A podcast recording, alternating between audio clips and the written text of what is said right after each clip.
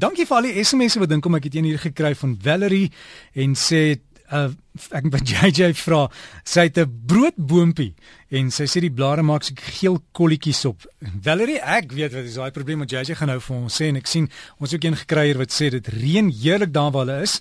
'n Konstantse vakansieoord en dis so 25 km buite Naboomspruit, 'n mok gepong waar hulle is op die oomblik. Uh, so ek geniet geniet daai reën Dina wat daar vir ons geskryf het. Tyd vir tuin maak saam JJ JJ Hans van Rensburg tuinbekundige by Gardenwold en JJ daar het jy die vraag gehoor daai kolletjies het dit te doen met die water wat 'n mens spuit Môre môre Derek. Ja nee, definitief. Dit het te doen met drie verskillende goed. Eerste van hulle is natuurlik die water wat jy spuit. As jy dit spuit in die middel van die dag, dan veroorsaak daai water soos klein vergroot glasies op die blare en dan brand hy baie maklik die blare. Dis die eerste een. En die tweede een is natuurlik dat die een wat gewoonlik die geel kolletjies kry, is eintlik jou uitheemse sagopalm. Dit is 'n Cycas revoluta. Nou hy hou eintlik meer van die skaduwee. Nou baie mense plant hom in die son en dan kry jy verskriklik maklik daai geel kolletjies op die blare. En dan natuurlik die derde een is hy kry ook baie maklike fungus. So as jy jy kan nou vir jouself kan jy dink watter een van die drie is jou probleem. Maar as jy weet jy gooi hom nie in die middel van die dag nat nie, as jy weet hy kry nie baie son nie, kry jy 'n fungusdoder. Hierso dink ek aan Funginix of Mycogard. Wat jy dan doen is jy spuit die hele plant en jy gee so 'n week of wat kans en jy spuit hom 'n tweede keer en daai nuwe blare wat deurkom, gaan dan vir jou um weer mooi en pragtig en donkergroen wees. Onthou net as jy daai nuwe blare wil forceer, dan is dit nou 'n goeie tyd veral nou in die somermaande om jou Cycat Boost kunsmis te gebruik sodat jy soveel as moontlik nuwe groei in 'n plant uit kan kry. Jessie, dan is daar klomp ander dinge wat ons ook hierdie tyd van die jaar moet doen in die tuin.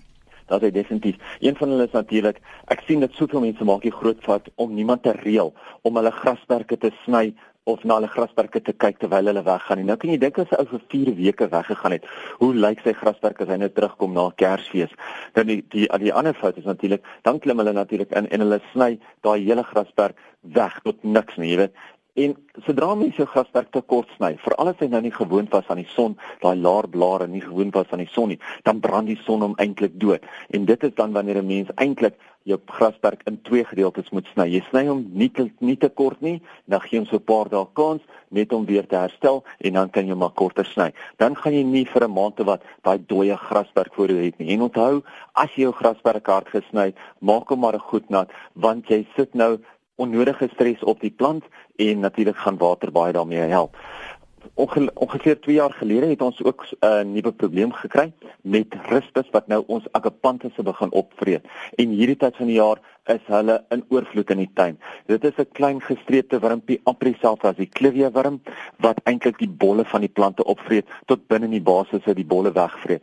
En mense moet nou eintlik ietsie gebruik wat 'n sipermetrien basis het om hulle te spuit en ek dink hierso byvoorbeeld aan iets soos Noxoom. Ek weet dit werk geweldig goed. Die ander een is natuurlik mense wat bel in verband met katte wat hulle tuine pla of wat in die tuine en in die beddings en in die potte pla. Nou gewoonlik is dit maar baie keer net 'n lekker cool lê area vir hulle. Partykeer gebruik hulle dit wel as 'n toilet of so. Maar wat 'n mens kan doen, daar's 'n paar goedjies wat 'n mens kan in die tuin plant wat natuurlik die katte gaan wegjaag. En hierso dink ek byvoorbeeld aan jou verskillende variëteite van mint, jou malvas en vir die van julle wat byvoorbeeld 'n paar potte het wat nou nie ekstra in die potte wil plant nie, ek weet ook dat klein motbolletjies werk ook baie goed. Maar dis nie iets wat mense in die tuin inwerk nie. Die mense moet maar altyd seker maak dat mense dit nie ergens sit waar kinders dit in die hande kan kry nie. So jy kan wel 'n paar motbolletjies hier en daar, miskien onder 'n klippie of twee, net in die pot self sit en hulle hou gewoonlik nie van daai geur, van daai sterk geur wat van die motbolletjies afkom. Jy jy die ander ding wat 'n mens doen is jy koop een van hierdie uh, waterpistooltjies wat die kinders mee speel en die katte assosieer as jy daar staan in die rasend om hardloop hy weg maar hy weet jy gaan loop en dan kan hy terugkom.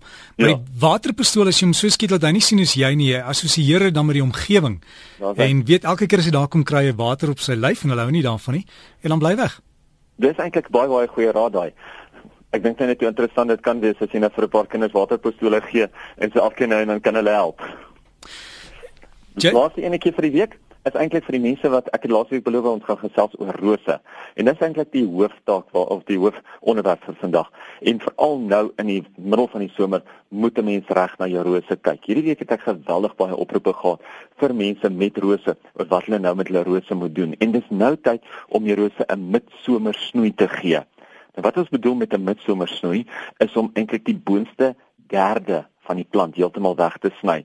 So jy, jy sny nie heeltemal so laag soos in die winter nie, jy sny die boonste derde van die plant weg. Dan haal jy al die blare van die plante af en jy breek ook daai laaste paar roosknoppe af wat jy nog nie gesny het nie. Onthou die blare wat om die plante geval het moet ook verwyder word omdat jy baie siektes altyd kry wat in die grond bly vir al jou fungusse en mense wil nie eintlik daai siektes oordra nie.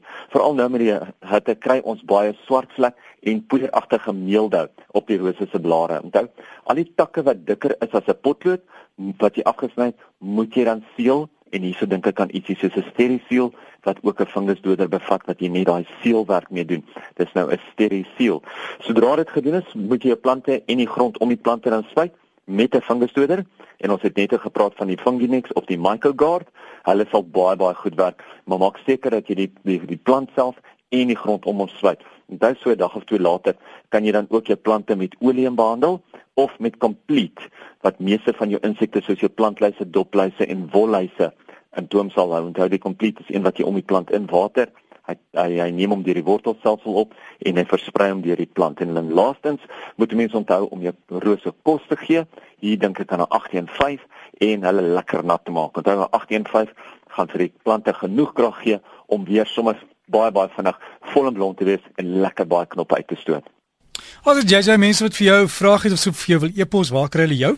Daar kom ons my e-pos te stuur na JJ by Gardenwold, JJ by gardenwold.co.za of op ons webtuiste loer en jy kry al ons detail daar. As JJ Jansen van Rensburg en hy's by Gardenwold, hy webtuiste waar hulle is is gardenwold.co.za en sy gesprek sal ook as 'n potgooi die komende week by rsg.co.za onder potgooi beskikbaar wees.